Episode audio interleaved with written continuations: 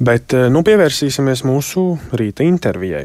Janvāra nogalē valsts ieņēmuma dienesta ģenerāldirektora amata pienākumus pēc vairāku mēnešu pārtraukuma atsāka pildīt Ieva Jaunzeme. Jāatgādina, ka iepriekšējais finanšu ministrs Jānis Rērs no jaunās vienotības pērn septembra beigās izdeva rīkojumu par disciplināru lietas ierosināšanu un Jaunzemes atstādināšanu. Par to, kādi ir šī brīža lielākie ieņēmuma dienesta izaicinājumi un cik gatava 1. martā gaidāmajai iedzīvotāju ienākumu deklarāciju iesniegšanai ir šī EDS sistēmu. Par to šajā rītā sarunāsimies ar valsts ieņēmuma dienas ģenerāldirektoru Ievu Jaunzemi. Labrīt! Labrīt! Jā, nu sākumā jāvaicā, vai atgriežoties amatā pēc ilgāka pārtraukuma nenāca sastapties ar kādiem nu, nepatīkamiem pārsteigumiem, varbūt kāda jocīga attieksme vai kāda sasteigta pieņemta lēmuma vai kas cits? Jāsaka tā, ka valsts ieņēmuma dienas komanda vienmēr ir bijusi profesionāla un katra vadītāja galvenais spēks ir stipra komanda un e, neviens nav neaizvietojams. Tādēļ es varētu teikt, ka atgriežoties, es uh, atradu iestādi labā stāvoklī un tiešām ar, ar labu padarītu darbu sajūtu. Tā kā man jāsaka paldies. Uh, un arī liels paldies arī saviem kolēģiem par lojalitāti, kas nemirklīt nešaubījās par to, ka es, ka ierosinātā disciplinācija ir nepamatot, un tā arī tas parādījās šīs izmeklēšanas gaitā. Tā kā paldies kolēģiem un paldies visiem, kas ticēja. Un kā tad eh, valsts ieņēmuma dienestam šobrīd sokas ar nodokļu iekasēšanu, kas ir jūsu pamatfunkcija?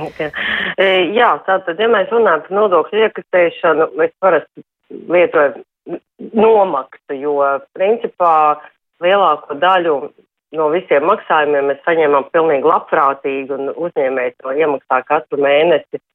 Un saprotot to, ka līdzekļi ir paredzēti skolotājiem, mediķiem un, un citām valsts funkcijām, un jāsaka, ka pagājušais gads bija veiksmīgs, un nestoties uz visiem krīzes izaicinājumiem, kārtējās krīzes, jāsaka tā, eh, budžets nopietni pārpildījās, un Jāsaka, protams, ka daļa no tā bija inflācija, jo tas bija pievienotās vērtības nodoklis, bet ļoti labi izpildījās gan iedzīvotāja ienākuma nodoklis, gan arī valsts sociālās apdrošināšanas iemaksas. Un, un tādēļ, ka labi pildījās iedzīvotāja ienākuma nodoklis, arī pašvaldību rīcībā nonāca daudz vairāk līdzekļu, kā iepriekš bija plānots. Man jāsaka arī par janvāri. Janvārī atspogļojās decembra ienākumu ieņēmumi.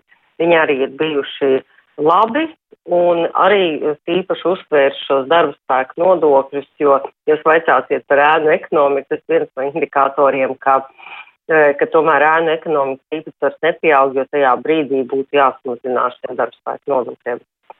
Nu, ēnu ekonomikas īpatsvars nepieaug, bet nu, nav noslēpums, ka ekonomikā tie laiki šobrīd mums ir diezgan pagrūti. Vai kāds jums ir plāns, ko darīt ar ēnu ekonomiku turpmāk? Varbūt vai saglabāsiet kā līdz šim, vai varbūt pastiprinātāk pievērsīsieties kādām nozarēm? Jā, jāsaka, ka iepriekšējo gadu laikā ieņēmuma dienas ir uzkrājis nozīmīgu zinātnību un analītiku kapacitāti. Un, ko tas nozīmē? Mēs daudz labāk atpazīstam tos uzņēmējus, kuriem varbūt ir grūti, jā, jo tiešām, bet tad viņi arī ir sadarbību vērsti un viņi nāk pēc nodokļu samaksas termiņu pagarinājumiem. Un uh, mēs redzam, ka vienkārši šajā brīdī ir iestājušās kādas problēmas. Mēs viņus ļoti labi atšķiram no tiem uzņēmējiem, kuriem nav šāda veida cikliskas grūtības, bet kuru uzņēmē darbības modelis ir nemaksāt nodokļus. Un eh, tādēļ mums šī zinātība ir. Mēs runājam šeit par tirzniecības nodaru, par būvniecību, par ēdināšanu, arī par veselības aizsardzību. Un eh, tagad nu, mums ir plaša zināšana klāsts, kā tad šī izvairīšanās notiek. Protams, pirmais, ko mēs darām, mēs uzrunājam nodokļu maksātājus, saka, jūs redziet, mēs redzam šo situāciju, jūs algas būtu zemākas kā līdzīgās uzņēmumos. Piemēram, pēdējās publikācijas ar būvniecību bez tūkstoši neviens nestrādā, bet tur uzņēmēji, kas mums turpina teikt, ka cilvēki labprātīgi strādā par minimālo algu. Tādēļ šī zinātība mums ir, un mēs viņu arī liekam lietā. Gribam, lai tas būtu maksimāli bez eh, šādām sankcijām vai kontrolas vai, ko es saku, piespiedu mehānismiem. Tās, bija, tās 50% gadījumu rezultāts tiek sasniegts sarunu ceļā, jo uzņēmējs tad tiešām nu, tas ir kā uz dēlu. Mm, sarunu ceļā, bet kādas, piespie, kādas eh, pastiprinātas pārbaudas neveiksiet? E, jā, runājot par pastiprinātām pārbaudēm, te es visu laiku nonāku tajā duālajā situācijā, ko es saku, jums vajag vairāk konsultēt, bet jums vajag likvidēt ēnu ekonomiku. Nu, jāsaka tā, ka tas vienlaicīgi ir iespējams, bet tomēr, ja uzņēmējs neatsaucās, nevēlas mainīt savu uzvedības modeli. Jā, mums ir pietiekami plaši kontrols mehānismu klāsts, ko mēs arī liekam li lietā. Tādēļ šeit ir tas līdzsvars, par ko bieži saka vairāk vai konsultēt. Ieņēmuma dienas mēnesī sniedz 10 tūkstošu konsultāciju. Konsultāciju skaits ir milzīgs un gan rakstiskās, gan mutiskās, un kas ir svarīgi, mēs konsultāciju var saņemt ieņēmuma dienas tā piec, mazāk kā piecu dienu laikā.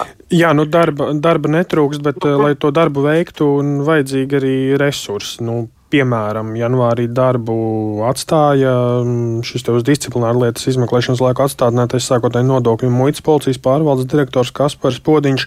Kad varam gaidīt jaunu pārvaldes direktoru, vai tas būs no iekšējiem resursiem, vai tiks rīkots konkurss, kāds ir tas plāns? Jā, mēs esam, es esmu apstiprinājusi rīkojumu par komisijas izveidi ļoti prominents komisijas, kurā piedalīsies gan valsts policijas priekšnieks, gan ģenerāla prokurors, gan robežsardas priekšnieks, gan drošības dienesta vadītājs. Un būs atklāts konkurss, mēs aicinām visus jau sākt gatavoties. Konkurss varētu tikt izsludināts martā, Un uh, pieteikšanās laiks būs 20 dienas, tādēļ nozares profesionāli, kas, kam interesē ka, un kas ir spējīgi izprast šos finanšu noziegumus, ir laipni aicināts pieteikties. Un mēs meklējam tiešām vislabāko no labākajiem.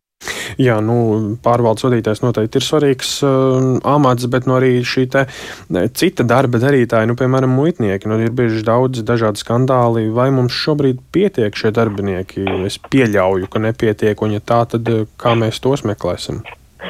Jā, tā tad uh, nepietiek. Mums ir uh, vairāk kā 120 vakances, un tas ir ne tikai muitā, bet arī citās struktūra vienībās.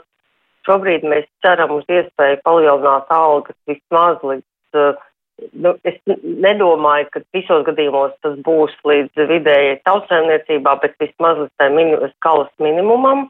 Un tad mēs uh, ceram, ka tas uh, tomēr vairāk vai mazāk iesaistīs jaunas darbinieces ar esošo atalgojumu, kas tur ir šobrīd sākotnējie 760 eiro. Darbinieks piesaistīt ar tik augstu atbildības līmeni un augstāko izglītību nav iespējams. Un, un tas Mums pēdējā, mums vienīgā cerība ir iespēja palielināt algas. Savādāk mums būs jāpārskat, kā jūs zinat, valsts ieņēmuma dienas strādā 24-7 režīmā. Un uh, muita, tā skaitā, mums būs jāpārskata šie, jo mēs nevarēsim turpināt to uzturēt, jo šobrīd, kā mēs risinām jautājumus ar uh, kadru nesamību, vienkārši cilvēki brauc komandējumos no Rīgas un aizpild to sūdu. Kā jums šķiet, cik ilgā laikā jums izdosies atrast uh, jaunus kadrus trūkstošajās vietās? Jāsaka tā, iepriekš man šobrīd ir grūti prognozēt, jo tagad izsludinot konkursu nav nekādas, tas vēl parasti piesakās cilvēki, kas ir absolūti nepiemēroti, un šie viens pēc otra konkursa beidzās bez rezultātu.